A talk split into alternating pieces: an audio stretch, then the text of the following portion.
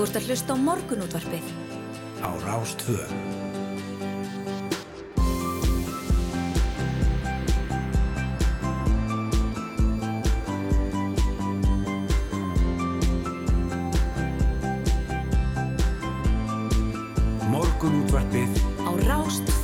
Góðan og blessaðan daginn, hér heldur morgunúttarpið að stað mánudaginn 22.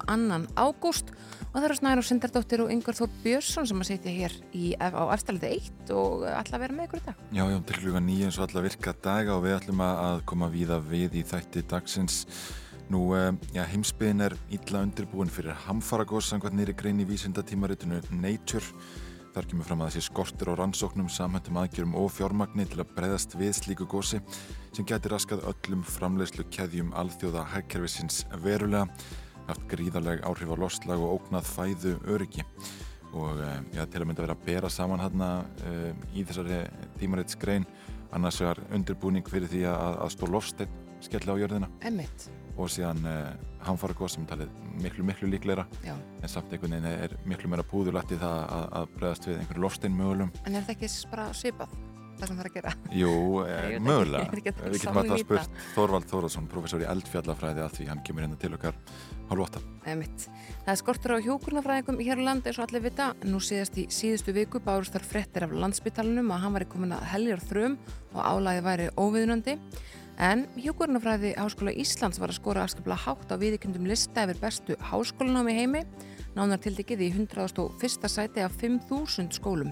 Það er hún Helga Bragadóttir, prófessor og deildarforseti hjúkurnar og ljósmóður fræði deildar sem að segja okkur betur frá þessum, já, bara mm, góða árangri. Já, en tvö létust veitin lífsættilega sæður eftir skótarás á blöndósisnema í ger morgun Fórseti sveitastjórnar húnabiðar ávarpaði fjölmjöla í gær og saði að íbúar já, séu harmist legnir og enn verið að vinna úr því að, að þetta hafi raunverulega gerst. Nú starfsfólk áfallateims Rauðakrossins er á blöndósi að sinna aðstandendum og íbúum og við ætlum að ræða við Elfu Dögg Leifstóttur, hún er sálfræðingur og teimistjóri hjá Rauðakrossunum um hvernig brugðist er við áföllum sem þessum í, í litlum samfélögum. Einmitt. Í síðustu viku grindu fjölumillar svo frá því að lauruglan hefði lagt hald á stærsta kókain innflutning Íslandssögunar þegar um 100 kíló efninu fundust í timbursendingu til landsins. Máli var afrastur mikils samstarfsverkefnis á milli lauruglu embætta hér á landi og erlendisrauna líka en embættið sem hefur forræði málsins í augnablikinu er laurugluna á hugurvorkarsveðinu og það er mitt lauruglustjórin Halla Bergþóra Bjöstóttir sem verður gestur okkar upp klukkan 8. En Sanna Marín, fósættisráður á Finnlands, hefur sagt gaggrín eftir að myndbund af henni dansandi og syngjandi var dreift á netinu. Nú einhver hafa sagað hana um fíkniefna nótkun og því fór Marín í, í fíkniefna próf til þess að blása þær sögursagnir og við ætlum að ræða samband stjórnmálafólks og skemmtanalífs og viðhorf kjósenda til þess við Anders Jónsson, Almanatengil og Svanborgu Sigmarsdóttur, stjórnmálafræðing og framkvæmdastjóra hjá Viðreist. Jújú, jú, það voru nú einhverjir íslenski stjórnmálamenn sem svona svöruðu þessu um uh, helgina. Áslu Arna uh, setti á, á Instagram uh, hérna myndar sér og sagðist ekki þurfa blóðpröfu þó hún myndi dansa mikið í kvöld. Auðvitað nákvæmlega. í brúðkaup eða eitthvað svona fína sumarveislu. Þannig að hérna, jújú, jú, gaman að því þetta snertur auðvitað fleiri aldrei sönnu í raun og veru þessu já, umræðu, já, sko. já, já, akkurat og verður áhugt að ræða þetta hérna um uh, hálf nýju. Já, en í lokþáttar þá ætlum við að renna yfir helstu íþróttafréttir helgarnar og það er hún Helga Margrét Höskuldsdóttir af Íþróttatild Rúf sem kemur til okkar og segir okkur, já, hvað bara hæst? Já, nú hér á fórsíðum morgumblasins er verið að ræða þennan harmleik í húnabyggð. Það er rætt hér við eh, til að mynda við Jón Gunnarsson, dómsmálaráðherra, sem eh, hvaðist ekki geta tjáð sig um voðaverkið að öðru leiti en því að votta hlutaðigandi hlutætningu sína. Ráðherra mun fara yfir málið er snýrað löggjæslu og öryggi borgarana með helstu empatismönnum sínum í dag og kynna ráðstafanir í framhald að því. Það maður sem þarf að aðtuga svo sem vistunar úræði eftirlit með skotvopnum og fleira, segir Jón í samtali við morgunblæðið en e, það er tímabart en, en má ekki gerast í neinum óðagóti, segir hann hér e, á fórsviði morgunblæðsins Einmitt. e, Já. þetta, er, þetta er svona hérna já, já, það eru margar spurningar sem, sem vakna þegar, þegar svona svona harmleikur e, gerist Já, það var einn frétt sem að vakti tölverða aðtekli í gær varandi þetta mál og þá að tala um að uh, skotvopna svifting hefði verið svona í ferli. Það hefði verið staðið fyrir dyrum að uh, svifta þannig mann uh, leifi já, að skotvopnum en það var ekki búið að gera það. þannig að það var til dæmis svona slíkur hraði sem ég held að hljóta vera eitt af þeim viðfarsöndum sem að verða skoðuð hversu hratt það er gert. Mhm. en uh, það var kveikt í Sandi Jósafspítala í Hafnafrið gær. Það er talað um þetta hér á forsýðu rúf.is slökkust þar tengi byggingunni laug bara, já, rétt fyrir eitt eða svo, að senda 12 tímanum. Uh, þetta var svo sett uh, það er nánast fullvist að það var kveikt í húsinu sem að tilstóð að rýfa í dag uh, en uh, engar skemmtir eru það aðalbyggingunni sem nú hýsir lífskeðasettur samt í Jósafspítala Mm.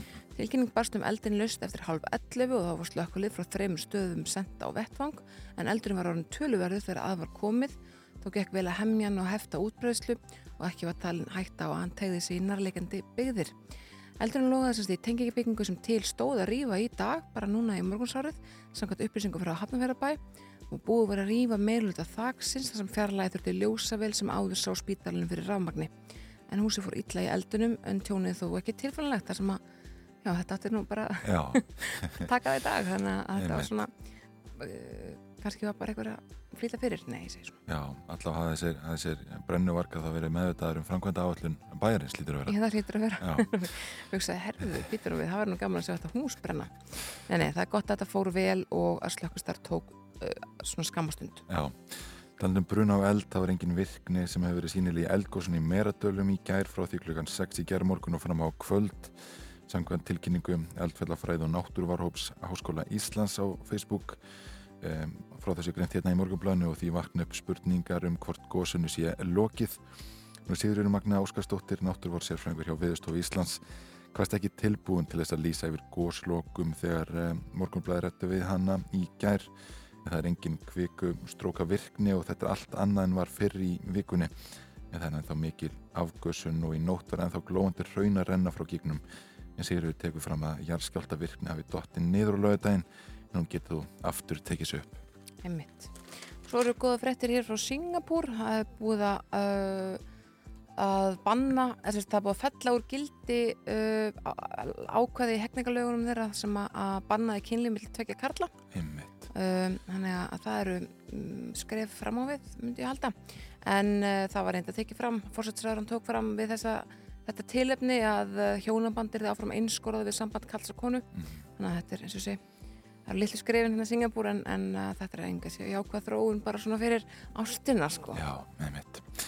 Nú hér á, á annari síðan morgunblansins er uh, aðeins rætt um stöðuna á spítalanum og, uh, og þessar staðnum sem hefur verið rætt um undarfærið að, að það sé ekki að taka móti uh, nægilega miklum fjölda af að lækna nemum.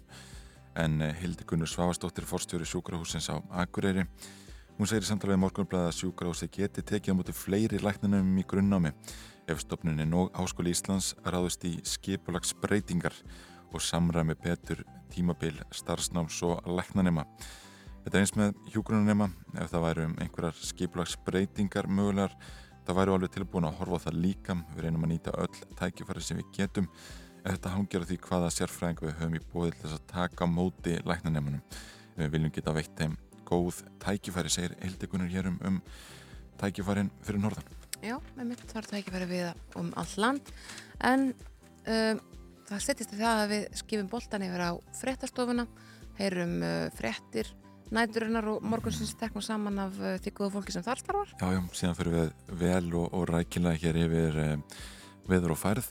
Já. Sæmilegasta veður núna í, í dag þegar við svona lögum að stæfinu allavega. Já, ég eh, fletti þessu upp á þann og það spáir 13 stöði að hitta hérna á höfuborgarsæðinu svona í dag þannig að ég ákvað bara að sleppa sokkaböksum, veit ekki hvað, hvað Já, já, já, já, ekki já, amrætt. já. En við skulum skipta yfir á fréttastofna.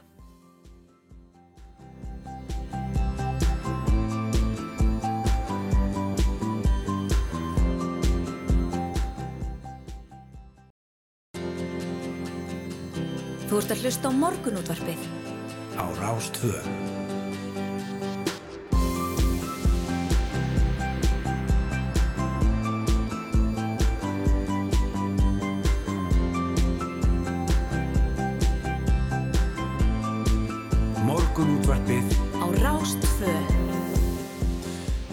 Morgun útvarpið býður góðan dag mánudaginn 22. ágúst. Sjöfettir að bækju þar yngvar Þóru og Snæru Sindradóttir sem ætla að vera hérna með okkur til klukkan nýju í dag. Já, og það er eitt og annað sem við ætlum að ræða. Við ætlum að uh, tala um stjórnmálafólk og djam, réttin til þess að skemta sér. Uh, við ætlum að ræða uh, stærsta kókaininnflutning Íslandsögunar við lauruglstjórn á höfuborgarsvæðinu.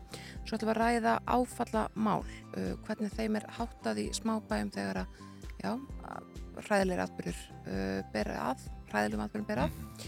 Við ætlum að ræða það hversu ítla heimsbyðin er búin undir hamfaragós og, já, velgengni hjúkurannáms á Íslandi. Já, ef við lítum til veðus þá verður fremur hæg breytin átt í dag og víða dálitlar skúrir en norður til á landinu verður bjart með köplum og ja, yfirleitt þurrt hitti 7 til 14 stig yfir daginn.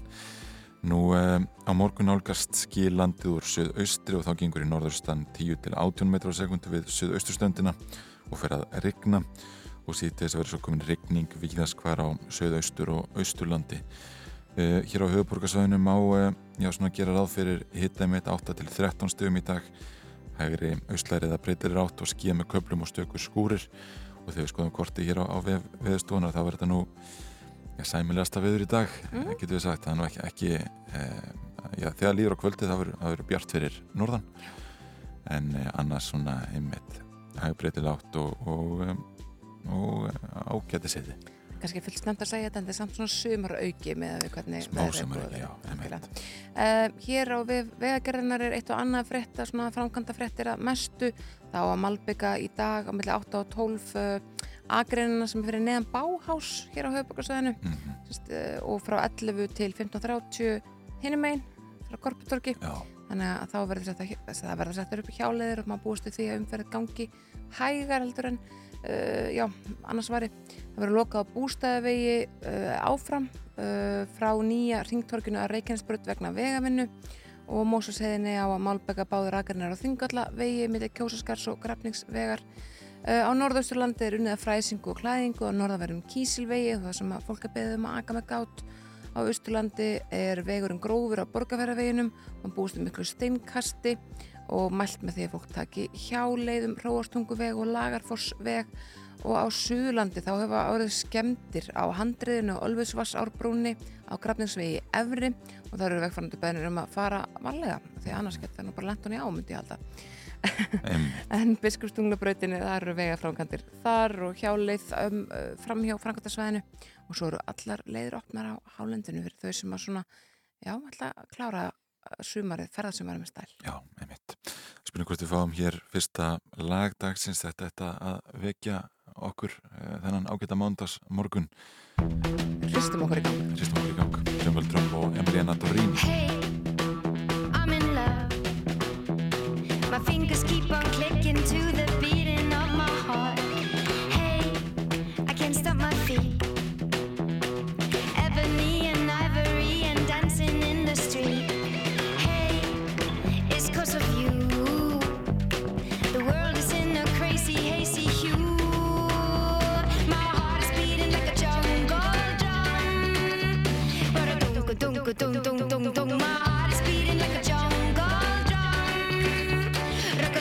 roco, toco, roco.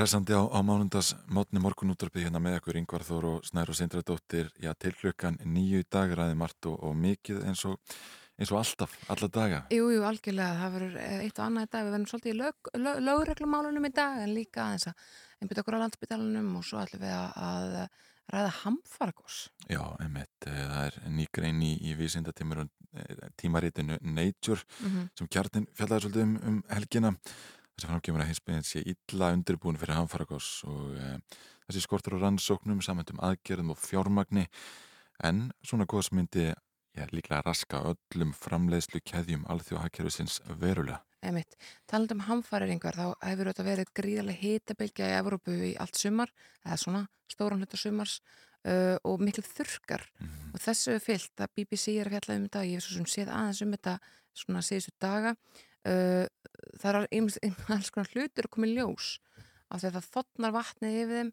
Mhm. sko bæðir það hungur steinafnir sem að eru uh, í hérna settir sko neðst í svona hla, sko hlaðna veggi í misa á, áa í Evrópum borgum Já, fljóta í Evropum borgum uh, til dæmis í Tjekklandi og, og fleira og þarna eru sko steinar sem að er verið að, að hérna sem voru uh, mertir sko á 15. öld já, sem að hérna uh, eru bara með hræðilegum orðum. Bara ef þú sér mig gráta og eitthvað svona. Einmitt. ef þú sér mig gráttu. Já, akkurat. já, sér, já, akkurat. skilur Já, þessi, hungusteinar og svo er fleira sem er að koma í ljós uh, þýsk skip frá setni heimstyrjöld sem að var, var hérna sögt, skilur mig hérna einhvers staðar í Prahovo uh, er, er skipsflag sem að er alltaf komið í ljós uh, ég sá hérna, hvað var það, spænska Stonehenge já, sem að, að uh, allt í hennu kom upp úr kafinu eftir allan þennan tíma og núna er einhvern veginn svona debatt um það hvort að það er að bjarga þessum minnjum fyrst að tækverðið Mm. til eða hvort að ég leiði þeim að vera og svo þegar að byrja að rigna í, með höstunum þá þá var þetta bara horfið á ný, já, skilur mig þetta er þetta bara rísastór svona siðferðslega áldefni Já, já, þetta er mjög áhugavert. mjög, Já. mjög áhugavert sko Við erum svona aðeins að rýna hérna í, í vef miðlana og þannig að tölverð rætt um þessa nýju heimildamind Vice sem kom út núna um helgina það sem hefur verið að taka viðtöl við ræningja sem uh, að ræna áhrifalda og, og þarna var að tekið viðtöl við Júnis Abbas sem er einn af mönnum sem já, rændi Kim Kardashian í París árið Æ, mitt. 2016 og hann segist ekki, ekki sjá eftir neinu og, og, og þetta er svona mögnu heimildamind hann er hann að greina frá því að hann hafi fylst lengi með Kardashian, hort á þættina já, vita nákvæmlega hvað hún var og fylgst með öllum uppfæslum á samfélagsmiðlum.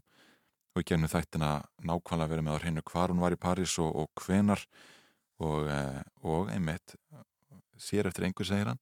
Það er klikka því þetta var mjög ofbeldsfullt hérna ráð þeir sko kepluðana og hendun í baðkar já, og að meðan er rændu öllum fínu skarkaburmennar mm og hún einhvern veginn, þetta var bara mikið tráma og hún fór algjörlega undir ratarinn í smá tíma uh, og breytti mjög mikið svona sinni hegðun á samfélagsmeðum, einmitt. Hætti að sína frá svona, svona þess, þessari tegunda veist, dementar og, og hérna eitthvað Tiffany skraut sko, já, já, hætti því algjörlega, ég er ekki að segja þessi slemt en svona, þetta hafði mjög mikil áhrif á lífinar og öryggisgæslan náttúrulega var stóra aukin já, og hún hætti að byrta svona í rauntíma þú veist, hvar hún væri. Einmitt, einmitt. þannig að núna er þetta allt meira svona leitirgram eins og fólk kallar það sko. akkurat, akkurat eh, og, og þessi heimildamind snýst mikið, mikið til um það að, að hérna að þessir þrjótar viti hvar fólk er og, og hérna og getið þess vegna brotist hendilega Já, við erum að heyrta þetta marg ofta maður ekki að hérna,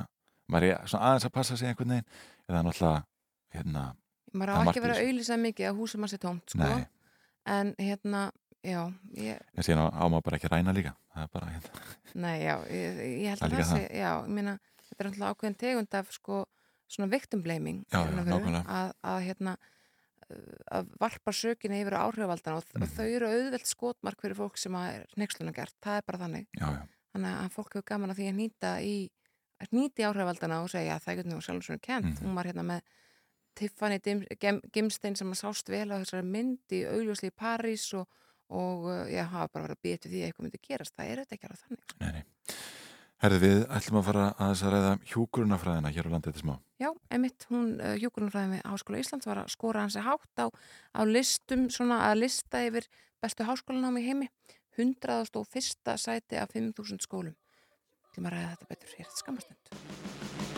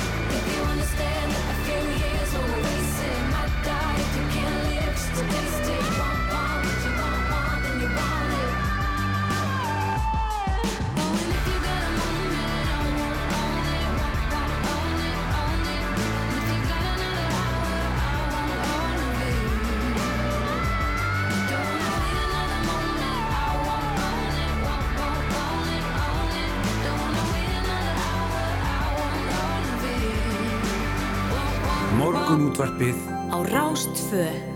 Um áframhaldum við hér í morgunútarpinu. Eh, Það er skortur á hjúkurumfræðingum hér á landi eins og allir vita. Nú síðast í síðustu viku þá bárust þar frettir á landsbytalanum að hann væri komin að heljar þröm, álæði væri óviðunandi og, og þetta er svo sem gömul saga á ný af landsbytalanum Háskóla sjúkrahúsi. En góða frettir, hjúkurnafræði Háskóla Íslands var að skora askabla hátt á viðikendum lista yfir besta háskólanámi heimi. Hún er komin ykkar til okkar Helga Bragadóttir, prófessor og deildarfórseti hjúkurnar og ljósmaðurfræði deildar. Hún ætlar að segja ykkur betur frá þessum mikla árangri. Vertu velkomin. Já, þakka þið fyrir. Hvað hérna, hverju þakkið þið þennan árangur að- að skora þarna í hvað, 101. sæti af 5.000 skólum eða svo? Já, allir það sé ekki bara óþrjótandi elja og metnaður Já, til margra áratuga og sko hjúgrunafræði hefur ekki alltaf verið í háskóla á Íslandi þó að hugmyndur það séu reyndar mjög gamlar og kannski eldri heldur en að fólk gerir sig grein fyrir því að ég rakst einu sinni á hérna tilvitnun eða fundargerð eh, hérna, og það sem að landlæknir 1947 laði til að hjúgrunafræði er sett í háskóla. En það var 1973 sem að hjóknarfræði var hérna fyrst kent í Háskóli Íslands. En eins og ég segi, ég held að þarna sé bara mikill metnaður og hann hefur alltaf verið. Það má sjá það til dæmis í, í bók Kristina Björnsdóttur sem að skrifaði hérna um sögu hjókurinnafræðinar á Íslandi að já, hann hefur alltaf verið mikill og hann er mikill og ég held að við eigum að nýta til dæmis svona hérna eh, tækifæri eins og það að við bara sjáum það svart á hvítu að við erum að gera góða hluti Mhm. nýta það til þess að halda áfram þessu góða starfi Mhm. og hérna þess vegna vildi ég halda það svo lofti að bara benda á hvað mikilvægt að hlú að uh, þessum fræðigreinum, hann hjúknafræðin og ljósmaðurfræðin er kent þarna Einmitt. Þannig að já, Já, eins og snæður snemdi hérna þá, sko það er oft talað náttúrulega um spítalan eh, sko að þar er álægið óviðunandi. Við fengi hérna lækni og lækna sem tala um að, að rannsóknastar á Íslandi sé ekki eins og best var ákosið hvernig er þá þetta að hlúa svona vel að, að hjúkunarfræðinni sem, sem fræðigrein? Já, þetta sko, hérna, þe- þetta hljómar kannski svo þversögn sko og að því að læknisæðin stendur sér líka mjög vel, það er alveg nokkra greinar í Háskóli Ísland sem standa sér mjög vel og komast þarna á þennan til dæmis sjanghæði lista Mhm. og hérna auðvitað hljómar þetta sem þversögn en hérna það er kannski þetta sem ég segi að metnaðurinn er mikill, við viljum bara vera best eða með þeim bestu og ég held að það sé bara mjög holdt og gott að setja markið hátt. En þú spyrir sko hvernig er þetta að hlúa sér ég held að það sé bara með því að, að átta sig að þetta gerist ekki sjálfur sér. Mm. Að hérna bæði auðvitað við sem að störfum í Háskóli Íslands og, og heilbísvísindarsviði og líka aðrir í háskólanum og einni bara ráðamenn hérna þjóðarinnar, ég held að þetta sé skilabóð til þeirra um það að það sé mikilvægt að hérna hlúa hjúgrunafræðinu og ljósmaðfræðinu að því að það svona í einu orðinu er það kannski gert en í öðru orðinu ekki Mhm. og auðvitað er hérna heilbriðstjónusta kannski hvað að segja, enda laus og ég ger nú alls ekki lítið úr stöðu til mis landspítala eða e, heilbriðstjónustunar eins og hún er hjá okkur og, og margt sem á þar bæta og hef ég svo sannarlega verið eina af þeim sem hefur verið að benda það til dæmis í mínu rannsóknum Mhm. en það er jafnframt mjög margt velgert Já, einmitt. Já, Sko, þetta er, og ég er ekki að segja þetta því að launin eru ekki sem best, en þetta er samt svolítið svona ástriðustarf. Þarf pínlítið að hafa eitthvað í þeirri það ekki til þess að geta árið hjúkunarfræðingur. í sjálfsagt þú, þetta er náttúrulega sko hjúgrunafræðin er þess eðlis og þau störf sem að hjúgrunafræðin er raunverulega þessi klínsku störf að byggja á mjög nánu sambandi og hérna samtali og samvinnu við sjúklinga, við fólk Mm -hmm. og það, það er mikil nánd falin í þessu starfi þannig að það er kannski ekki allra að gera það Mm. og hérna en sjálfsagt er það nú þannig með öll störfað ef að þú brennur fyrir þeim þá sinnur þeim betur og nýtur þeirra betur og, og vilt áfram starfa við það starf og í sjálfsög það hefur verið mikið talað mitt eins og þau komið inn á þetta í ingangi mikið talað um sko þessi skortur og hjúknafrængum en hann er kannski ekki fyrst og fremst vegna þess að það sé of fáir sem að starfa við þetta. Þetta vildum hafa fleiri og við vildum helst að allir sem að læra hjúkunin en kannski hlutvarslega þegar maður rínir í þessar tölur þá eru flesti, langflesti sem að læra hjúkunin þeir starfa eitthvað tengt í. Mhm. þannig að ef maður kannski fær að bera það saman við aðra stjætti þá er ekki vísta að útkoma væri mjög slæm. Nei. en auðvitað er hver hjúgrunafræðing svo dýrmætur af því að það er skortur það er bara svo mikil þörf á Já, þeim já, já. En hvernig hefur aðsótin í námi verið að, þróast á síðustu árum, segir? Já, aðsóknin hefur verið ágætt, hún má alveg vera betri. Núna, hérna, síðustu árin þá hefur við verið að fjölga þeim sem að ná að fara áfram.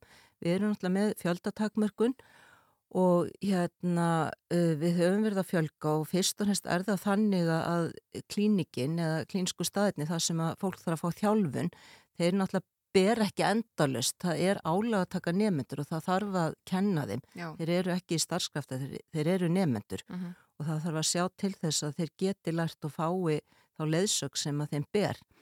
Þannig að hérna þetta hefur kannski fyrst og hérst staðið á því að, hafa bara hreinlega staði. Við erum Bara bara háskólinn getur ekki tekið við, nei, Já, að það, og, já, og aðrar stopnarnir, sko, Já. landspítala er náttúrulega stærsta heilbyrðistofnunin okkar uh, og okkar helsti samstagsæðili hvað þetta og margt annað varðar. En hérna við höfum verið að fjölga aðsóknin er ágætt eins og ég segi. Hún má vera betri vegna að þetta er strangt nám og núna þá eru held ég um það byrj 70 nefnendur 170 nefnendur sem er að byrja. Við sagt, uh, fjöldatakmörkunni meðastu 120 nefnendur í þessu fjögur ára bíðsnámi Mm. og hérna sko þetta, já og, og við viljum og það þurfa að vera sterkir nefnendur Mhm. sem að ná þarna því að það eru þeir sem að ná sem að komast áfram Einmitt. þannig að þeir meiga alveg vera fleiri það er bara svona, auðvitað getur vel verið að, að það verði ekkit vandamál núna og þetta sé allt sterkir nefndir sem að sækja þann inn Já. Takk kærlega fyrir komuna í morgunúttarpið Helga Bragadóttir. Uh, gangi ykkur vel. Já, takk kærlega Ég þekki götun eins og rotta Gulldrengur og silfu skotta Ég skil hurðin eftir opna lofta til að súpa á líkumum Það mín leið til að rótast.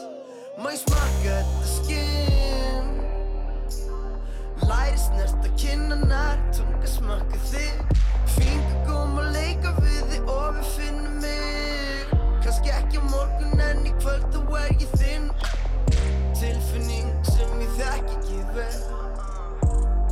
Ég rætti því hún kemur og fer. Það er eitthvað nýtt sem er á vaksin í mér. Ætla ekki að neita heldur sé að eins að laðast að þér. En ég hef fundið það áður Og ég fundið mig sjálfur. Samt típ mér að því sem að momentu típ mér í bárum og tárum. En kannski ég er bara einfari Það er erfitt að greina mig. Vinsend ást og hlíkja emmi og lins og geimfari En á þegar móða sest á gluggan Þegar dansskóli ruggar og baks kemur að hugga Þá kem ég á dimmu kvöldi þegar móða sest á gluggan Þegar dansskóli ruggar og baks kemur að hugga Kemur þú. Hún er típan sem ég vil sjást með. Veit ekki hvort hún eigi að treysta mér. Ég er nýfarinn að haka mér Vil hafa hana með. Ég veit að manna best Hún er típan sem ég vil sjást með. Veit ekki hvort hún eigi að treysta mér. Ég er nýfarinn að haka mér Vil hafa hana með. Ég veit að manna best. Ég er 26 En er lagið er vinsalt að segja sorry Því ég lög að þér. Ég sagði ég verð alltaf ég En tíman er breytist og ég breytist með þess og ég lög að mér. Og núna er ég Gerir mystik og endur mig á mikið Já, ég endur mig á mikið Já, ég endur mig á mikið Já, ég endur mig á mikið yeah. Fortíðinn það bara að vera þannig Pétur Panþrá er að verða manni Fatta þeir hlut alltaf seint Kall með skaffist ekki á hvenna fari En fuck. Annar morgun það sem ég er off Ég þekki ekki herbeggi Krumpu skipta en strauja kort En ég þekki samt þetta ástand Svo ég fæ ekki dáfall Ég er að rúla sól Og það er ekki vera fyrir mynd Fyrir hana, hún er undir mig Klukka segir svo söguna Hvort þroski gerir eitthvað fyrir mig. Tími getur breytt mér en ekki væs versa. Og ég voni finni ástega sagan nær enda. Hún er típan sem ég vil sjást með. Veit ekki hvort hún eigi að treysta mér. Ég er nýfarinn að haka mér Vil hafa hana með. Ég veit að manna best Hún er típan sem ég vil sjást með. Veit ekki hvort hún eigi að treysta mér. Ég er nýfarinn að haka mér Vil hafa hana með. Ég veit að manna best Silvi Skotta, MC Gauti og Aron Kahn. Þetta er eh, nokkur ára gammalt skemmtilegt. Já, já, með mitt. Það er margt og mikið framöndan hér hjá okkur í morgunútvarpinu þennan ágætt að mánudag við ætlum hér eftir smáaræði við Þorvald Þórðarsson, professor í eldfjallafræði um hamfaragoss en heimsbyðin er illa undirbúin fyrir hamfaragoss samkvæmt nýri grein í vísinda tímaritinu Nature sem kjarnin fjallaðum um helgina. Uh, slíkt góð skæti raskað öllum framlöslukjöðum alþjóðahagkerfisins verulega haft gríðarlega áhrif á lofslag og ógnað fæðu öryggi. Einmitt, vel undirbúin undir, loft, undir sko loftstæðin, illa undirbúin undir eitthvað sem er miklu líklara. Akkurat. Þa, það er niðurstaðan í þessari, þessari rannsókn þessari grein allavega. Er það samt ekki típist að við erum eitthvað svona sem mannkinn svolítið dögulega að hafa áhugur eitthvað sem gerist líklega ekki Já. og erum ekkert að spá í því sem að við spennum kannski ekki í beltinu en við höfum áhugur því að það geti dotti píano á hausunum á okkur. Ég held að það sé lýsandi. Er Við það ætlum líka náttúrulega að ræða skótarusina, við ætlum að ræða við sálfræðing og teimistöru hjá Rauðakrossinum um áfallahjálpina. Já, einmitt, og hvernig hún fer fram í, í litlum bæjarfélögum það eru þetta fólk frá Rauðakorsunum statt á blöndósi núna til þess að aðstóða bæjarbúa þar í gegnum þetta mikla áfall sem að, að reyði yfir í fyrir nótt. Já. Svo ætlum við að tala við lögreglstjórun á höfuborgarsvæðinu, Hölluberg Þurru Björstóttur um þetta stóra, stærsta kókainmál Íslands sögunar sem að, Mhm. að kom uh, núna fyrir helgi uh, ég var hans að fletta þessu upp að þegar ég var að leita fréttum um þetta mál og þá sá ég að stærsta kókaðanmál Íslandssögunar hefur komið upp á okkur einsta ári undan ár sko. Þetta er þróunin. Já, bara alltaf stærra og stærra allavega. Mm Það er mjög forðanlegt. Já, já, og síðan alltaf ég myndi að ræða stjórnmálafólk og, og skemmtana lífið, samband stjórnmálafólks og skemmtana lífs uh, í kjálfar þessa máls í Finnlandi. Mm. Ef við ætlum að skipta yfir á fréttastofuna.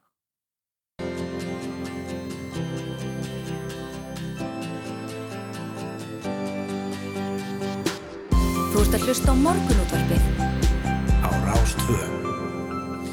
Og eins og við rættum hér áðan þá er heimsbyðin illa undirbúin fyrir hamfaragos samkvæmt nýri grein í vísindatímaritinu Nature. Og þar kemur fram að skortur sér á rannsóknum samhöndum aðgerum og að bregðast við slíku gosi sem gæti já, til að mynda raskað já, öllum framlýslikjöðum alþjóðahagkerfisins verulega. Nú Þorvaldur Þórðarsson, professor í Altfjallafræðir, hinga komin, góðan daginn. Góðan daginn. Hvað, hvað er hamfaragos, eða byrjum þar? Það er þetta sem að menn telja að vera kannski stæstu sprengigós sem við þekkjum Mhm. og vitum af. Já, Og uh, eldfjallafræðin hún notar skala sem ekki frá, fer frá, frá veru 0 og upp í 8. mhm, Og það er svona svipað eins og ska- skalinn fyrir jarðskjáttana, já, já, mælikvarði. já. Hvað er gosið í meratölum til að mynda? Það er, Það er það er bara það, það, það, er svo nálaðt nullun að við, við erum ekki, fyrir ekki að setja það á.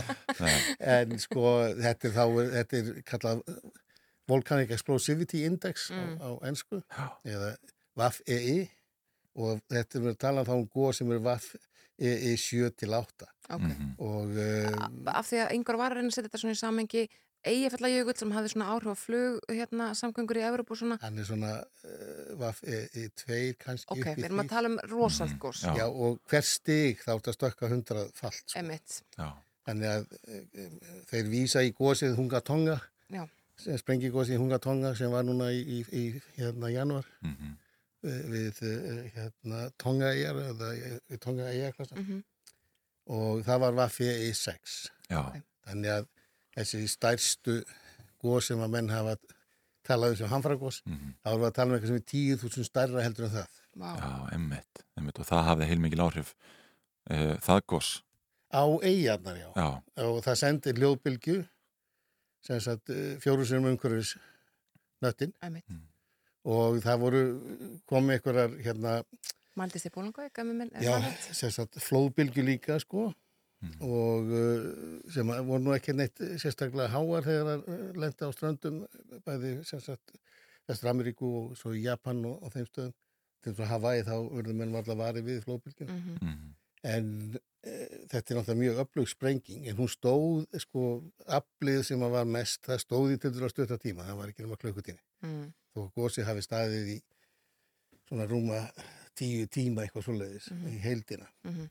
En þetta er, og það er, við mælum þetta líka í magni, mhm, þegar það er afli sem við mælum og það er magn og þessi, sem sagt, eh, allra stæstu gós, að það var eins og sagði, aflið 10.000 sinum meira, en, en magn líka sem kemur upp í þeim, það er sko, eh, eins og í þessu stæstu gósum, þá er það kannski upp undir 3.000 rúmkilometrar Mm. á móti því sem kom upp í Hungatonga gósinu, sem er kannski á bylunu 1-4 rúmkilometrar. Emitt.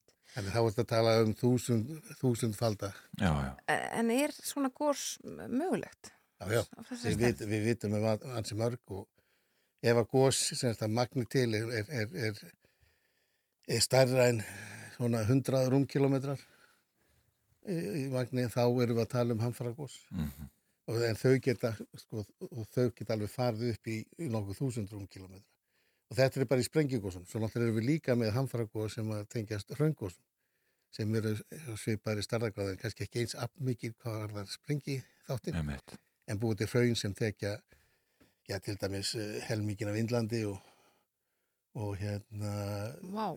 hraun sem flæða 400-500 kilometra og ég vil að hasbóðin til að meina sem þeirra hafa flætt upp undir 2000 kilometra. já, já, emmitt það kemur fram hérna í þessari grein einmitt að, að það sé svona hérna að við séum ekki vel undirbúin fyrir þetta gos að einhverju leiti sko hvers vegna heldur að, að það sé og, og, og á hvað svæðum er kannski líklegast að, svona hamfara gos myndi verða og, og eru það þá einhver svæði það sem undirbúningun er kannski ekki eins og best vera kosið Það er alveg rétt, við, það er líka kannski mjög, sko, rétt að við erum ekki vel undirbúin, það er kannski líka mjög erfitt að undirbúa sig fyrir svona atbyrð. Því að þetta er ekki sko, staðbundi þó að áhrifin séu mest, séu næst góðstæðan, Mhm. að þá náttúrulega eru áhrifin líka nattræn. Og þá erum við ekki bara að tala um sko, að beina áhrif af góðs efnunum sem koma, eh, ég segi þetta öðru beina áhrif af, af, af öskunni sem kemur út í, í góðstunni, hvort sem það kemur sem gjóskuflóð eða gjóskufall heldur líka göðsinn sem fara til andrúrslótið. Mm. Og menn hafa verið að skoða svona góðsmyndum út frá því hversu mikið brennisteinir setja inn í andrúrslótið.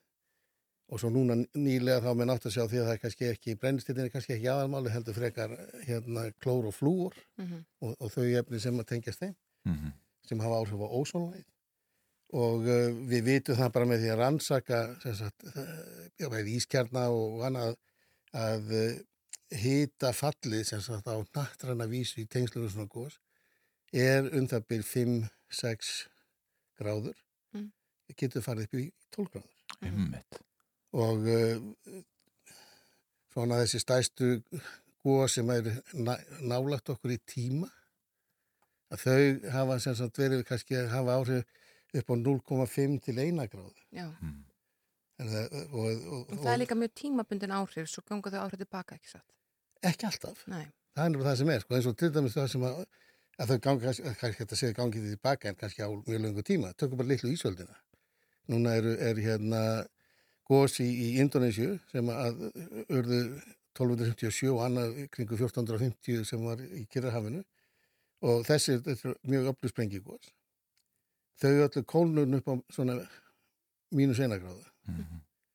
og, en þau byggu til ísöldina, litlu ísöldina sem við þekkjum sem að, að endaði rétt fyrir aldamótin hérna 19. Mm. Já. og þetta er eitt kaldasta tíðanbyrð sem við höfum í, í okkar Íslandsögu Mhm.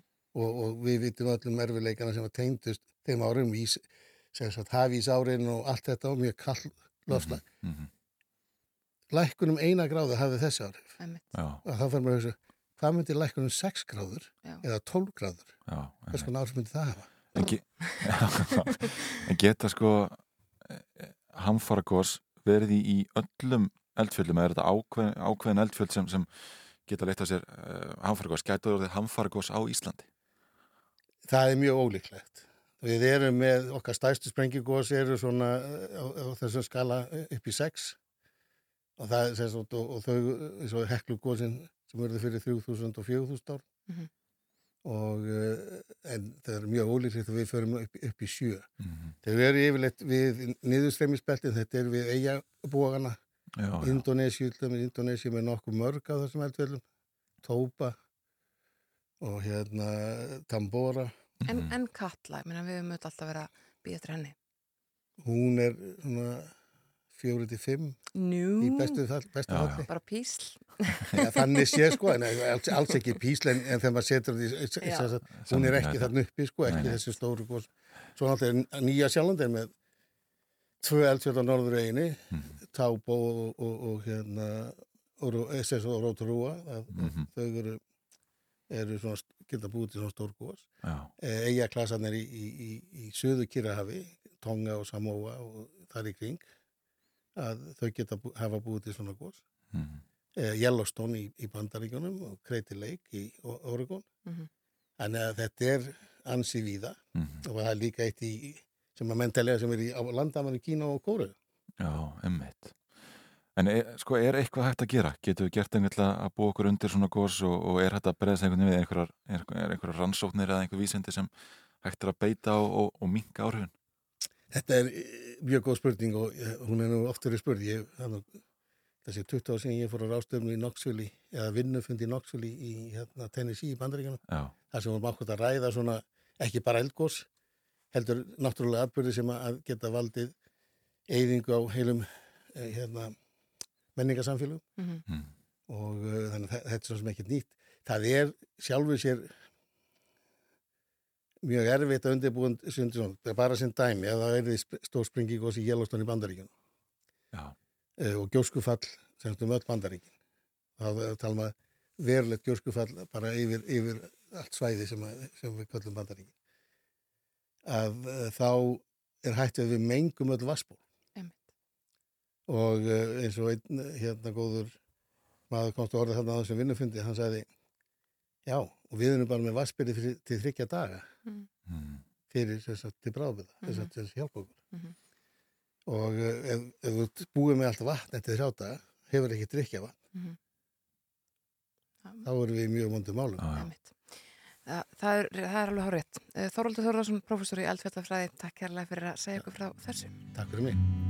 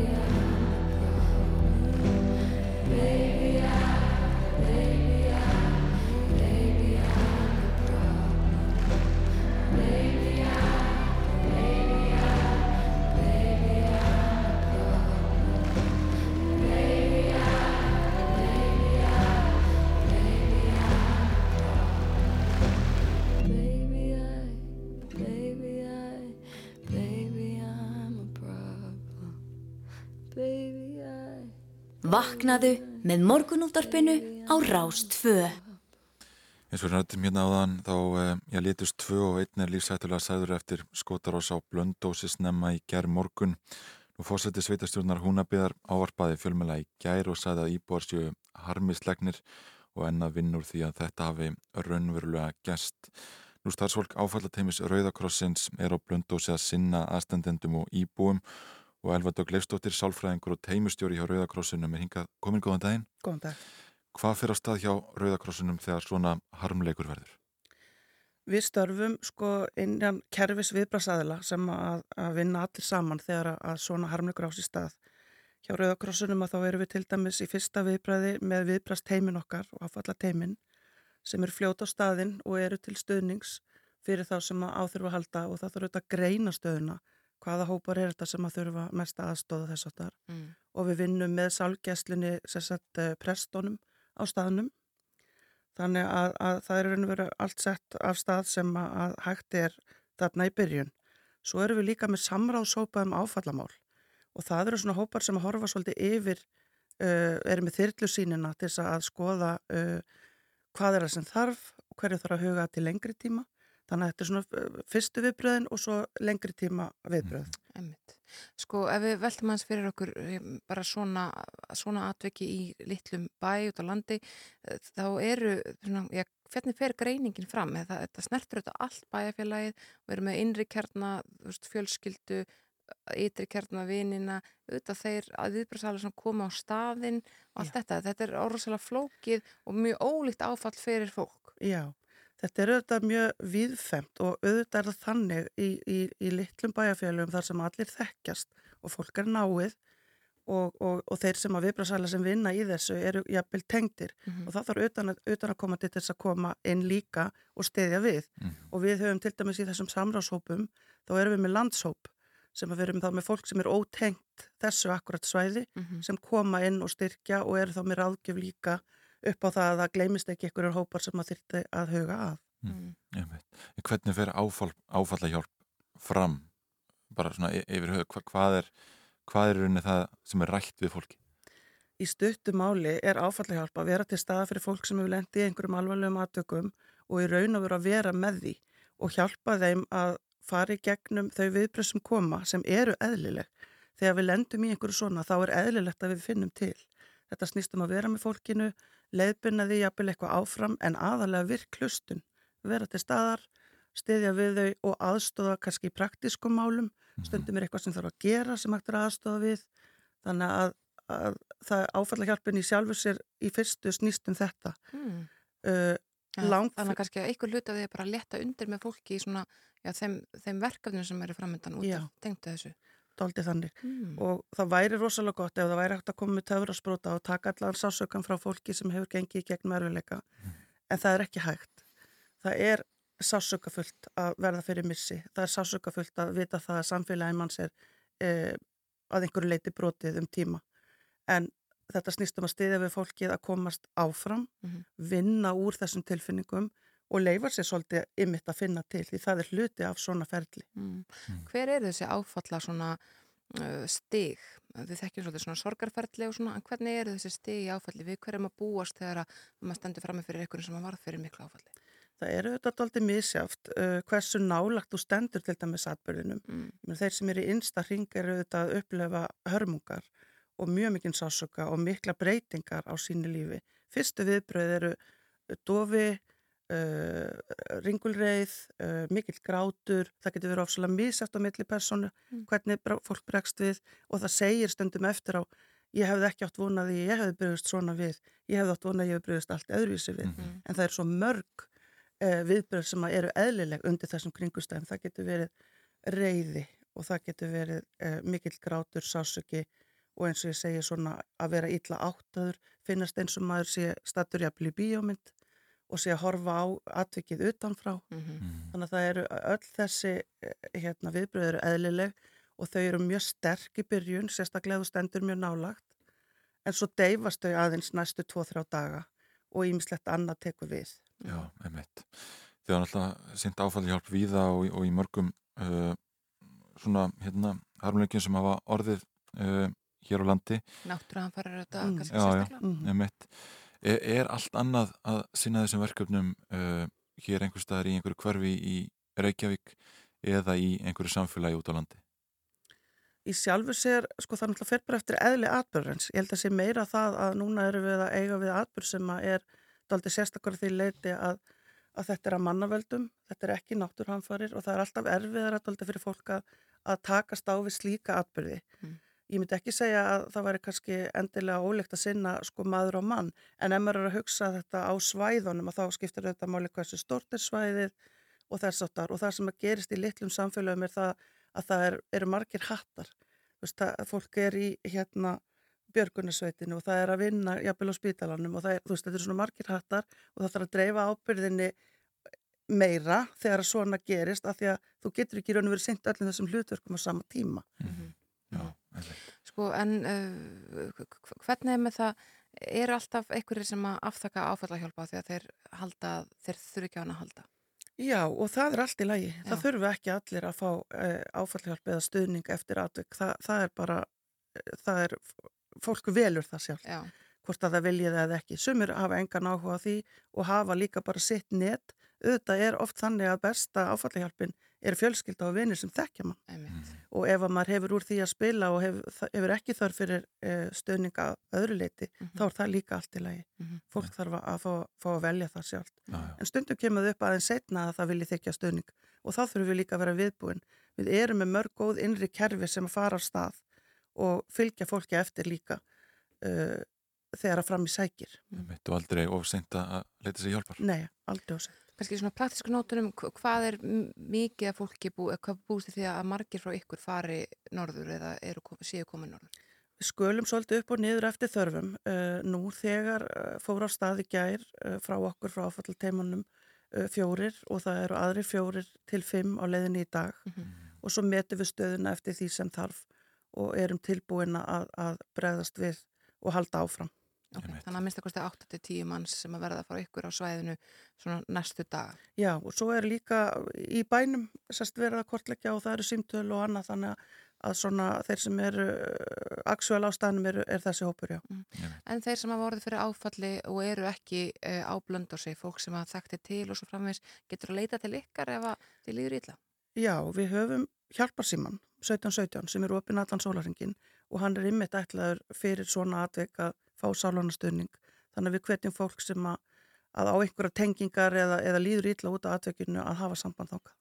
Já, þetta sé ágætt lokaord Elva Dögg, Leifsdóttir, Sálfræðingur og teimistjóri hjá Rauðakrossunum, takk fyrir að kíkja til okkar í morgun Takk sem leis. You said you hated the ocean, but you're surfing now. I said I love you for life, but I just sold our house. We were kids at the start, I guess we're grown ups now. Mm. Couldn't ever imagine even having doubts, but not everything works out. No, now I'm out dancing with strangers. You could be casually dating, damn, it's all changing so fast. Así es la vida, así, yeah, that's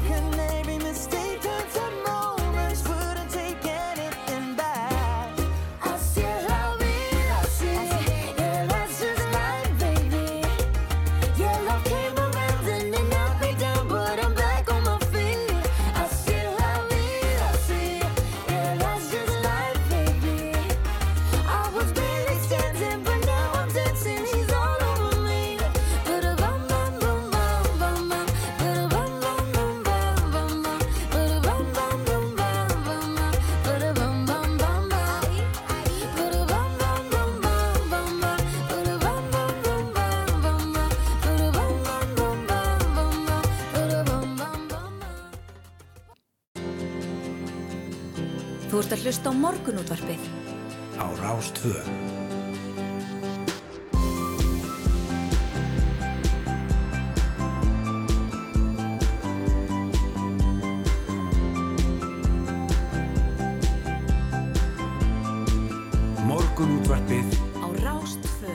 Áframhaldum við hér í morgun útvarpinu og ætlum að ræða stærsta kókain innflutt Íslands, Íslands sögunar, kókain innflutning Íslands sögunar Já. sem að uh, greinta frá í síðustu viku þegar um 100 kíló af efninu fundust í timbursendingu til landsins.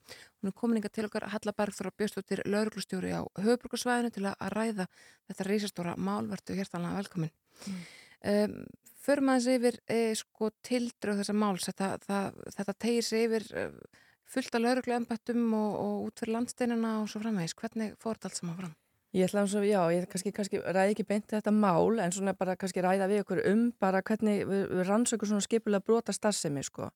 Af því að veist, það kallar alltaf á mjög flóknar og tímafrekar rannsóknir og svona rannsóknir það er vilt að vara í langa tíma, einhverjum mánu, jafnir eitt eða tvö ár.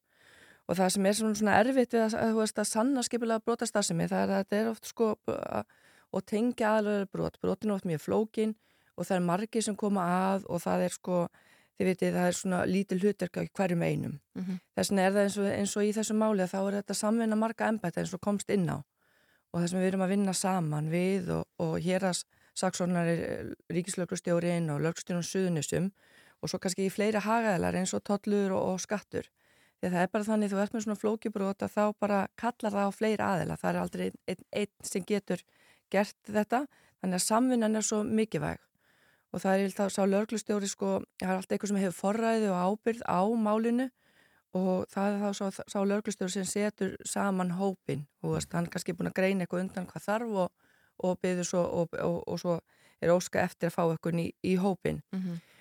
Og eins og við vitum að þá er þetta bara oft mjög mannfrekar rannsóknar og, og er snert á mjög mörgum þáttum þú veist, þetta getur verið greiningavinna þetta getur verið einhvers konar frumbrót þetta er, þetta þarf rannsaka kannski möguleika peningaþvætti, mm. það þarf svona allskins búnað í svona rannsóknir og það er svona kallar þetta á, á bara, já þetta kallar á mikið, já svona mannfrekar rannsóknir mm. og svo líka er það farðar að þetta tekur svo langan tíma að það fari gegnum svona einhver tímabil þú veist, kannski byrjun þá þarf þetta miklu meiri greinundur, svo fyrir, þú veist, alltaf þarf þetta rannsekundur, svo þegar það fyrir að koma lengra þá þarf þetta að fara að, að, að, að fá miklu fyrir ákærundur og svo kannski þegar þetta fara að taka efnin og fara í húslitur og svona þá þarf þetta sérsveit og þú þarf almenna lörgluna og, og svona og svo kannski, þannig þú ert bara með fullt af fólki í rannsóknum í langan tíma Mm. og bara kannski mismunandi hvernig það kemur inn, hver, hvernig þáttu hvers er fyrir sig, sko.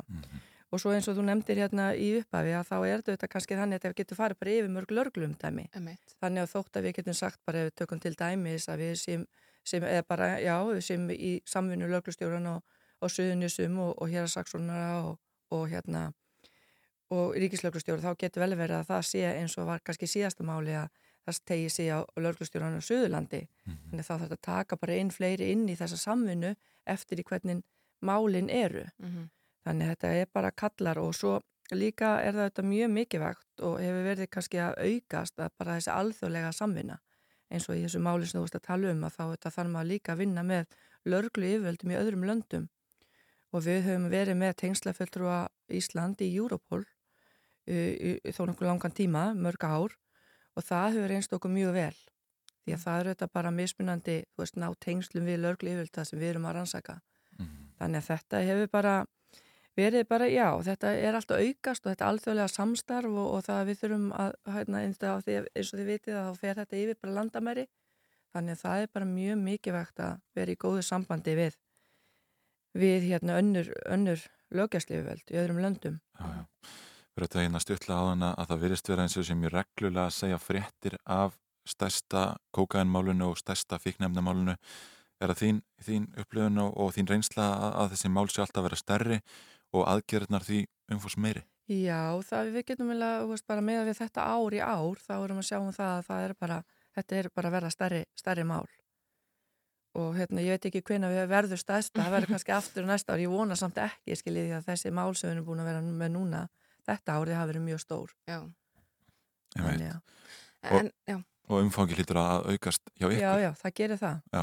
Mhm. og hérna og, og ég held að, að, skipulega brotastar sem ég sé og er, er talið um hún sé vaksandi þannig ég held að við séum ekkit að þetta sé ekkit að þetta sé eitt að vera búið sko Mm.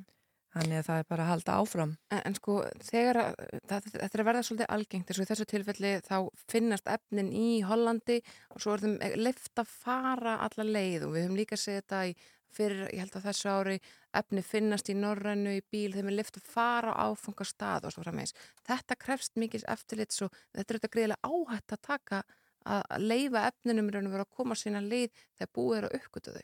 Hvernig er þessi ákvörðin Nú tekin og getum við ekki alveg áhættumat? tjá mig um, um rannsóknina Nei, nei, en, svona bara hva- almennt séð Já, þetta áhættu almennt- mat sem verður hlýtur að verða þegar að efnum bara er lifta að svona, já, fara lengra. Stundum eða skipta út og stundum ekki. Já, já, stundum, það er, það er bara mjög mi- misjamt en það er, að- ég held alltaf, þá er þetta bara mjög vel með fylgst með.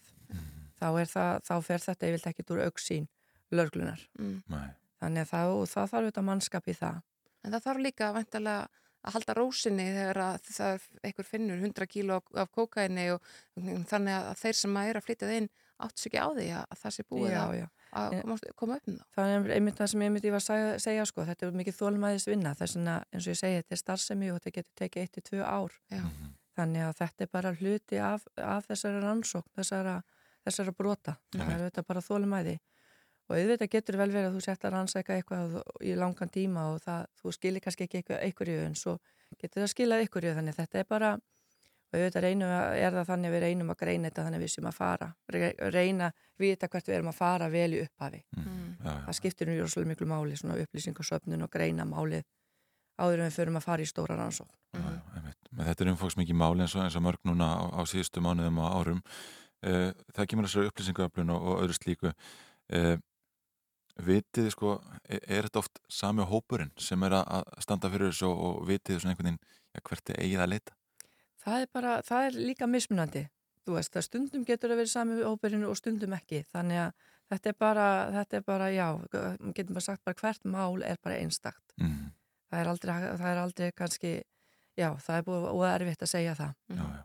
En hvernig virka, þegar maður er bara forvitin um þetta allt saman, hvernig virkar svona tilkynningar frá erlendum lauruglu embættum sem eru kannski búin að finna mikið magn efna, þeir ringja valla bara inn á símatíma í lauruglu umbrukastöðinu og segja, eru við fundið fullt að dópi, hvernig er þessi samskipt? Nei, já, það er samskiptin, ef við segjum, segjum að séu á milli, veist, oft, þá er, ef, ef við erum í góðum sambandum, þá er bara, er samband, en annars er líka í í Europol, er þessi svona tengsla skrifstofa, það sem, ef þú ert með eitthvað, þá getur þú komið og tala við tengsla fulltrúan í Europol og, Mhm. og þannig komið á tengingum á milli mm lögjastlu yfirvalda. Mhm. Og þetta þarf að gerast vantilega svolítið rætt. Já, þetta oft þarf að gerast það, st- st- stundum er það þannig, stundum ekki, þetta er bara, eins og ég segi, þetta er bara mismunandi hvað, hvað, hvað, má- hvað máli kallar eftir, skiljið. En blasið við að þarf að sko, endur skipuleiki lauruglega einhvern veginn með tilliti til uh, þessara verkefna þarf að fjölga tengiluðum út og, og annars líkt. Ég veit ekki, en ég held að við þurfum auðvitað að styrkja okkur í rannsóknum á skipulegar brotastarðsemi. Ég held að það sé nokkuð ljóst að það þurfum að gera því að eins og ég segi, þetta eru mannfrekar rannsóknir og,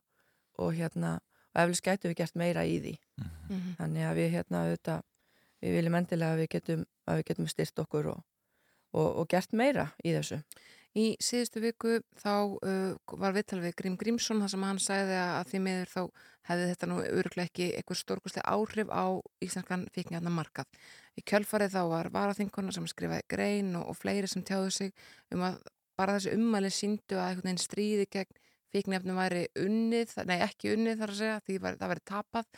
Um, hver var tilgangurinn með að taka allt þetta magn ef að uh, það hefði engin áhrif? Hvernig horfur þetta við þér? Sko það eru auðvitað, það eru auðvitað allavega, sko þetta, magn, eða, þetta er ekki að koma inn á markaðin. Nei. Ég held að það sé sigur út fyrir sig. Það er allavega ekki að fara þangað og það er ekki ykkur að hagnast á því. Mhm. Og hérna, og, og fá hagna til þess að fara inn í því okkar löglega kerfi því að það meilur undan okkur.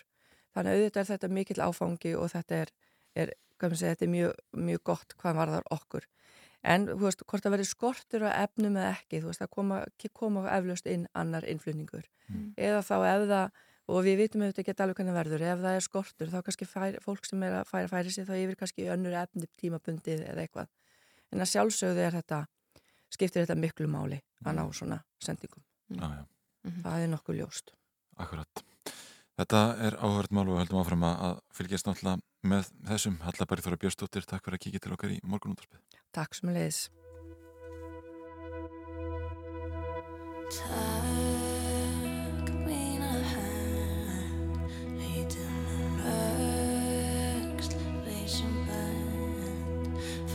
Skrif maður ströð sem dreyðar vaku elda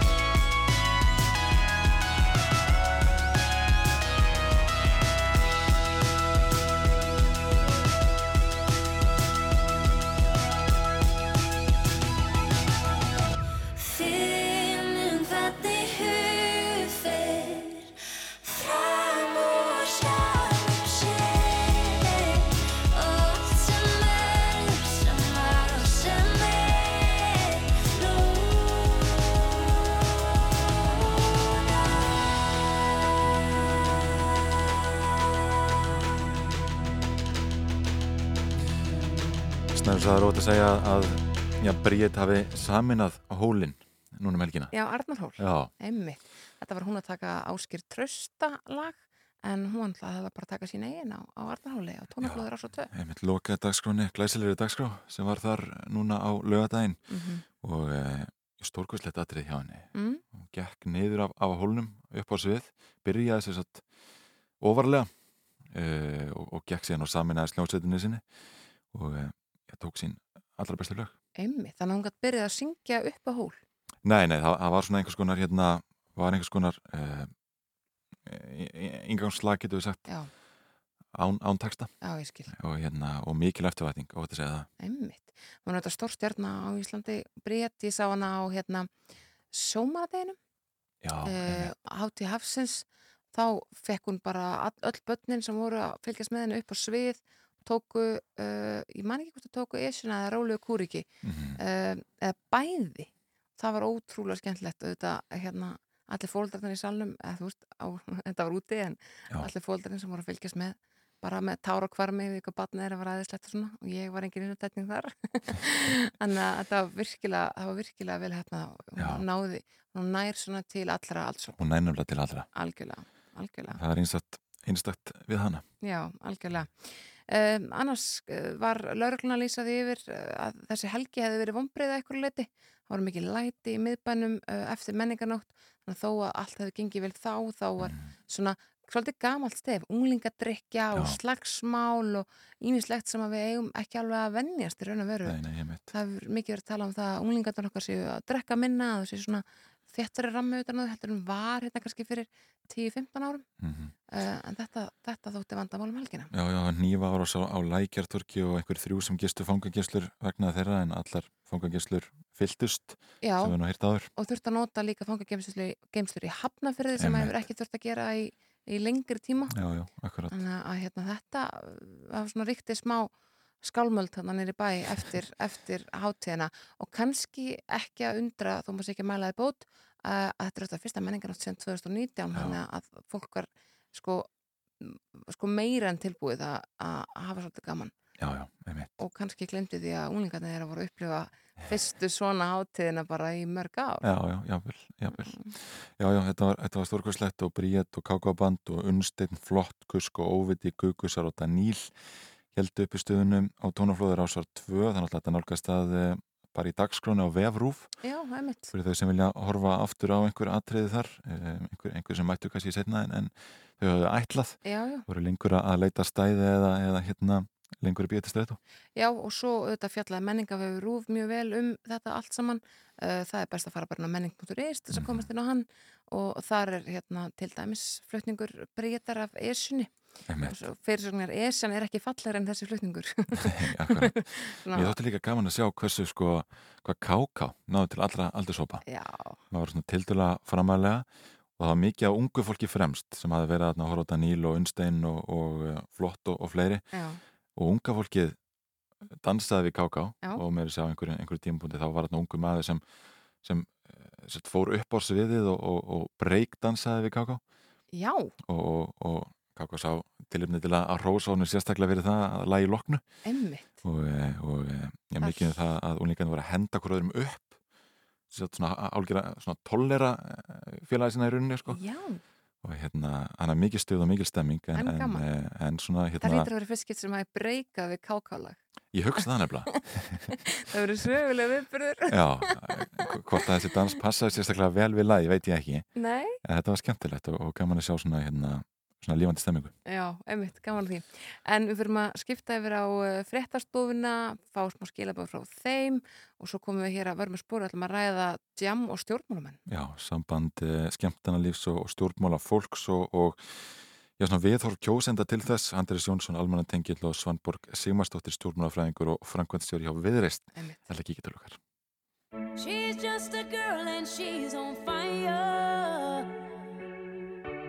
Hotter than a fantasy, lonely like a highway. She's living in a world and it's on fire. Filled with catastrophe, but she knows she can fly away. Oh,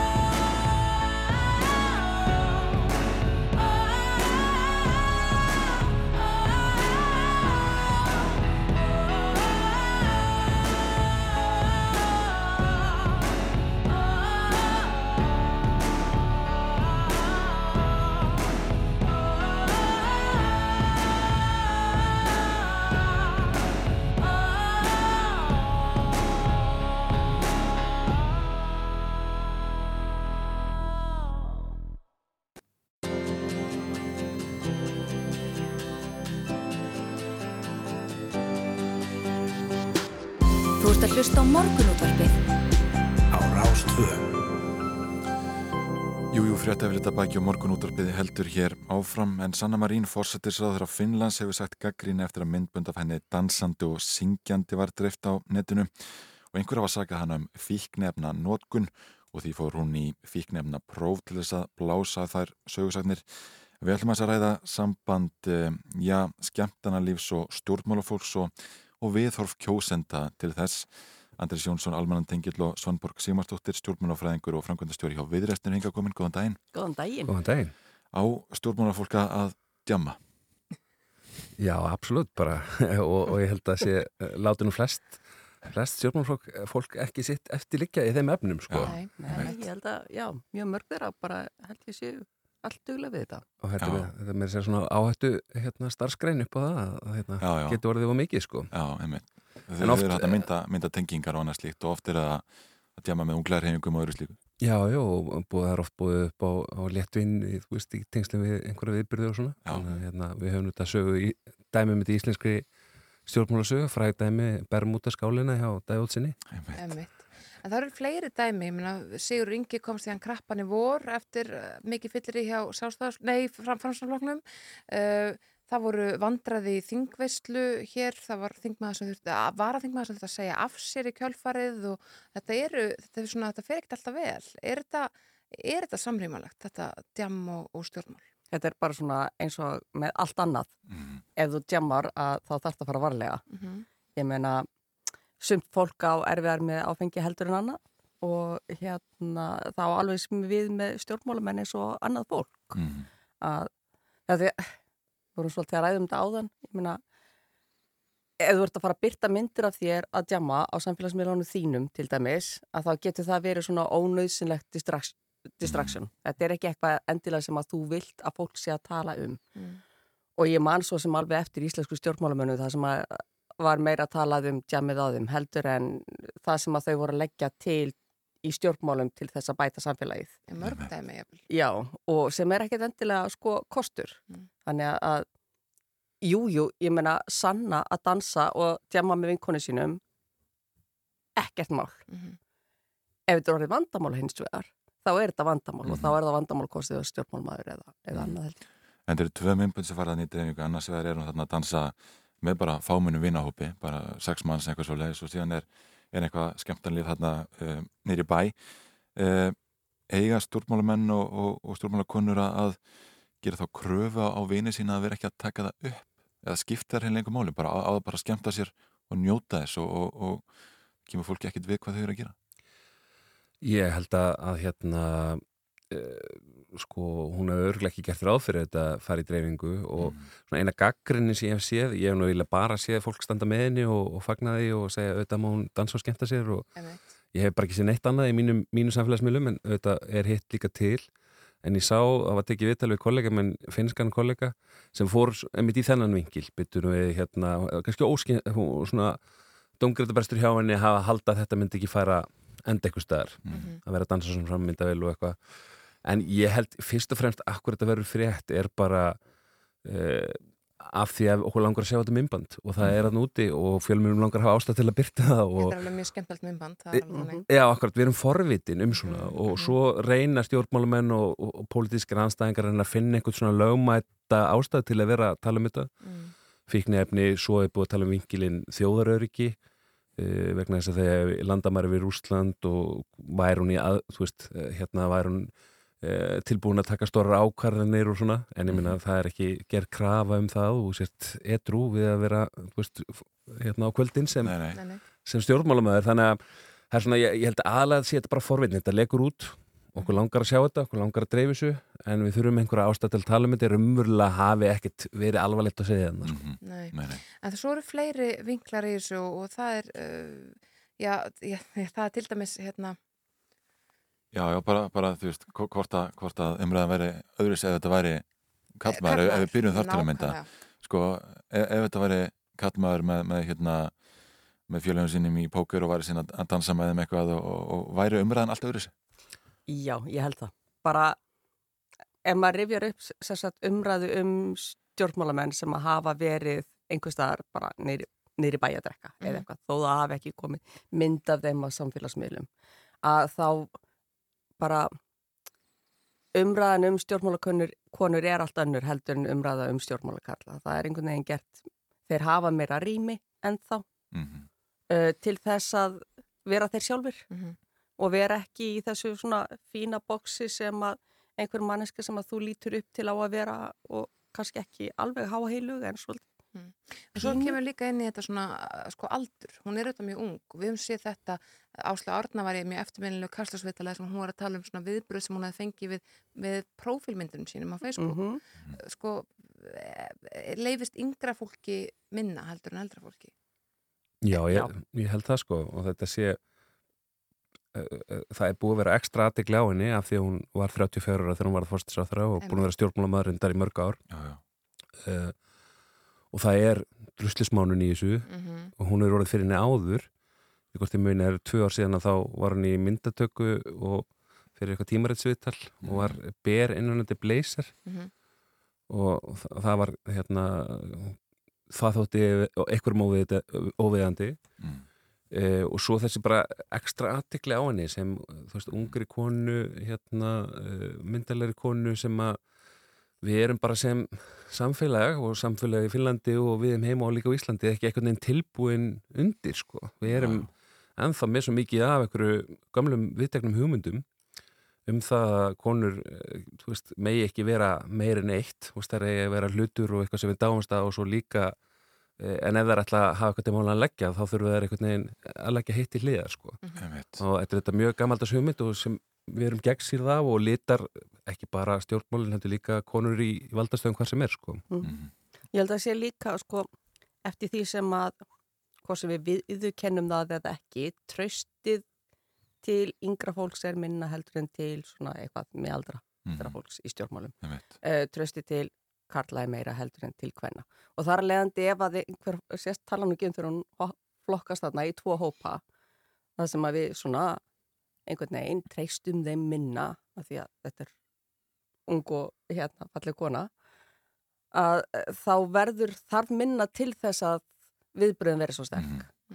En held þetta hafi raunveruleg áhrif á viðhorf kjósenda til til að mynda hennar sem stjórnmálamanns að, að fólk hafi séð hana á skemmtarnalífinu, hún mætir á tónlistarháttir og klæði sér náttúrulega ekkert eins og stjórnmálamæður á, á tónlistarhátti eh, hefur þetta áhrif held- haldið til lengri tíma eða er þetta eitthvað sem er að, breytast og við fyrir að skilja það fólk fara að lifa lífinu? Já, ég held að þetta sé bara svona að breytast. Að við, ég meina við sjáum bara stjórnmálafólk sem venjulegt fólk í raun og veru. Mhm. uh, þetta er ég held að áslegarna sé gott dæmi um þetta hérna á Íslandi með unga konur sem að við treystum alveg í dag.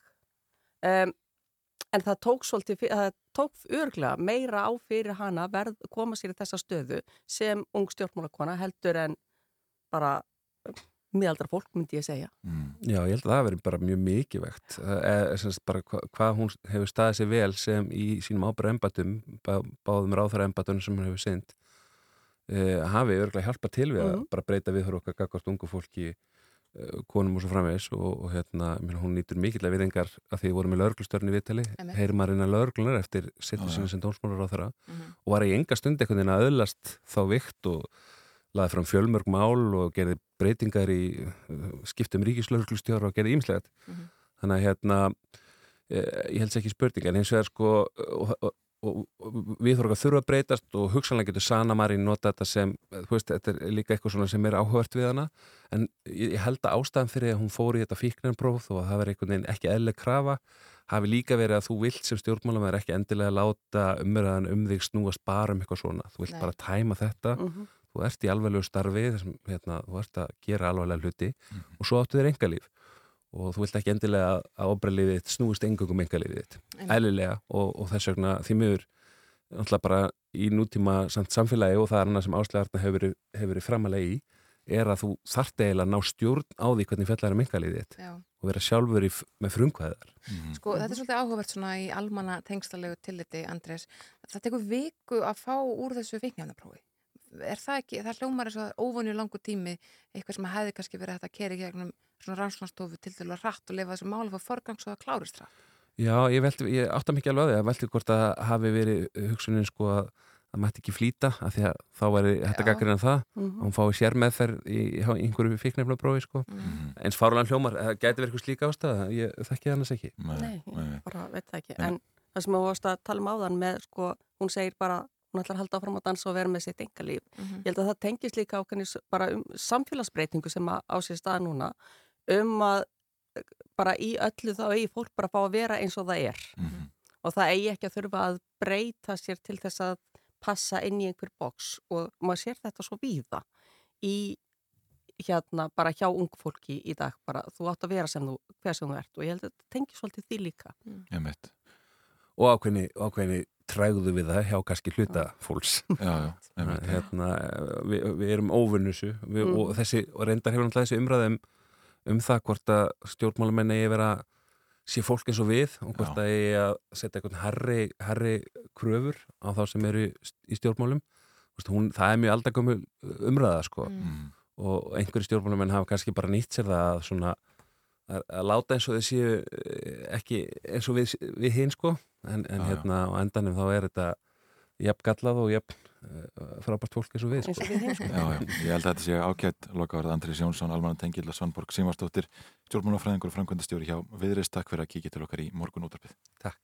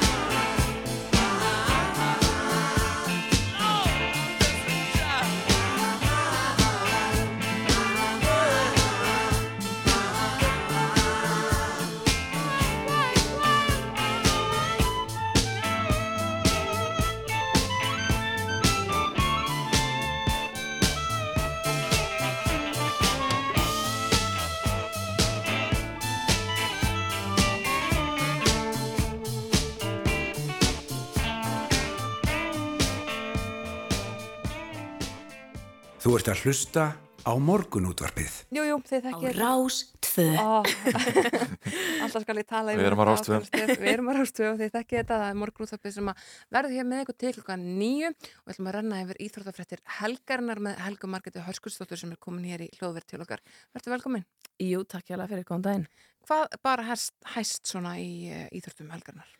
Heyrðu, það var að klárast uh, meistaramót Evrópu sem að við erum búin að vera að sína frá síðustu tvær vikunar uh, þetta mót sem er svona eitthvað sem að reglívar mót fyrir einhverjar 11 mismunandi íþróttagreinar. Mm. Evrópumeistarar grindir í þeim um, Og síðan vinnur þau þjóðabyggarinn eða ekki, þú vinnur flestar greinar. Það er hárrétt, uh, þjóðverðarnir, heimamenn í munjen og, og viðar í Þýskalandi uh, þeir uh, tóku hann í, í ár uh, unnu 26 gullvelun uh, breytar komið þar eftir með 24 velun og, og bæði lið voru samtals með 60 velun þessi, þessi, þessar tvær þjóður báru aðeins höfuð og herðar yfir hinnar en uh, við Íslandingar áttum náttúrulega nokkra keppendur og þeir síðustu kepptu gær. Þá hjóluðu Hafti Sigurdóttir og Silja Jóhannsdóttir í eh, Evrópumeistaramótinni Götuhjólriðum það sem er verið að hjóla sem sagt það er hjólað ykkur 130 kilometrar Svona eitthvað mini-Tour de France.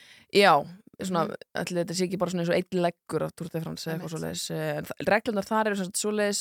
Í gæræstu hann í hverja flokkinum 99 og þú mátt aldrei lenda aftar en 10 mínútum á eftir sagt, hópnum. Mm ég, þú veist, ég held að það sé bara eitthvað svona örgisástæður fyrir því og, og, og að það sé ekki verið að býða eftir fólki e, lengi af því þetta er náttúrulega, þú veist, það er, þetta er rosalega lest sem að fylgir svona hjólræðahópum, þú veist, það eru bílarnir og aukahjól og sjónvarsbílar og eitthvað alls konar. En e, þær sem sagt voru báðar flaggar út á endanum stelpunar og e, hérna lendu svona í Silja lendi því að, þú veist, detta úr stíinu, þú veist, og það er bara eitthvað svona svona lítið sem að getur uh, getur haft svona mikil áhrif á, á og nærði ekki hópnum Mm. og, og svo sagði hann haft í þessi viðtali að hraðin hennu bara svolítið verið of mikill en uh, frábært enga á sér að ég keppendur á, á, á þessu móti og. Já, já. svo já, í fimmleikasalnum þá var svona kannski það, það helsta að Telma Aðalstensdóttir og Hildur Mæði Guðmundsdóttir það er triðið sér uh, sæti á HM í Liverpool sem að fyrir fram í, í nóvumber og það er frábært og svo voru kannski svona stæðstu augnablökin þegar að Hilmar Örn Jónsson og Guðni Valur Guðnason kostu júslitunum í, í slekkjukastinu og kringlukastinu. Hilmar endaði 12 og Guðni Valur 11 þannig að svona heilt yfir bara fínasta mót hjá okkur íslendingum. Mm. Anton Sveit Makí var náttúrulega á erfumótinu í sundi líka sem var á sama tíma en ekki undir þessari reglif mjög flókið. Já.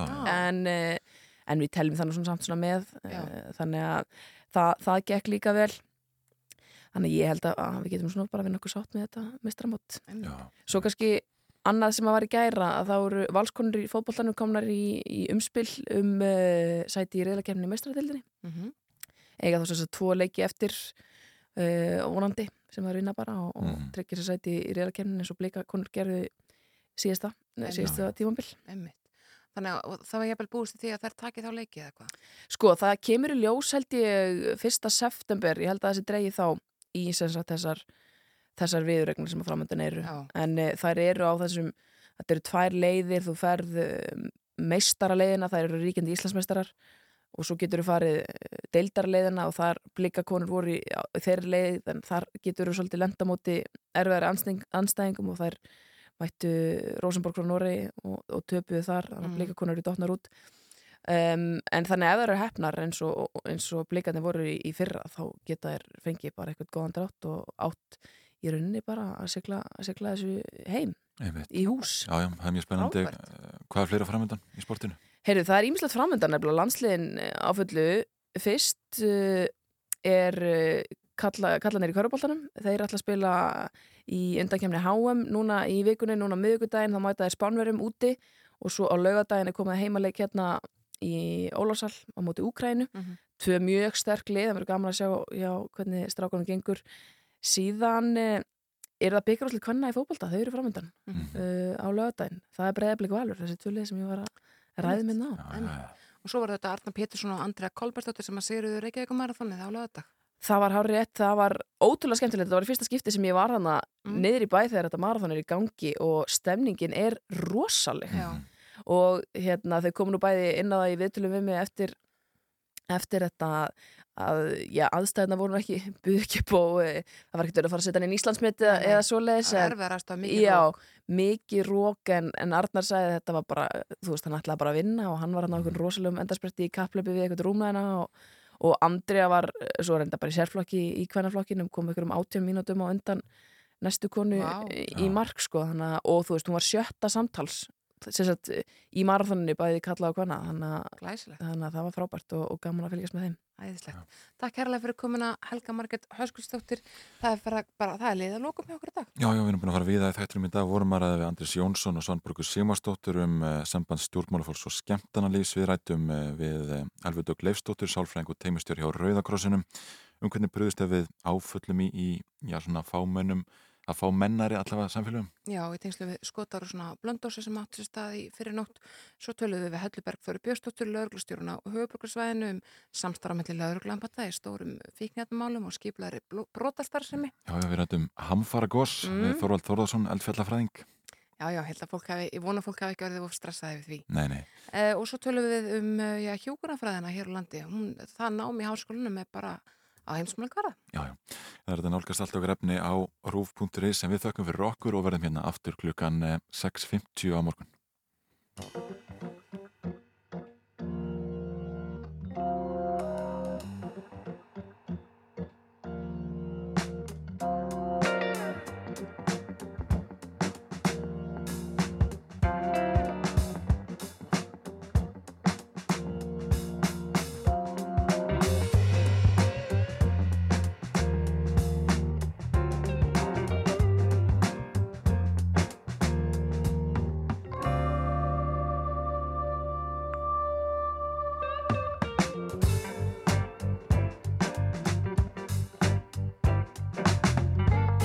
sem sagt er að drópi í hafið geti litlu breytt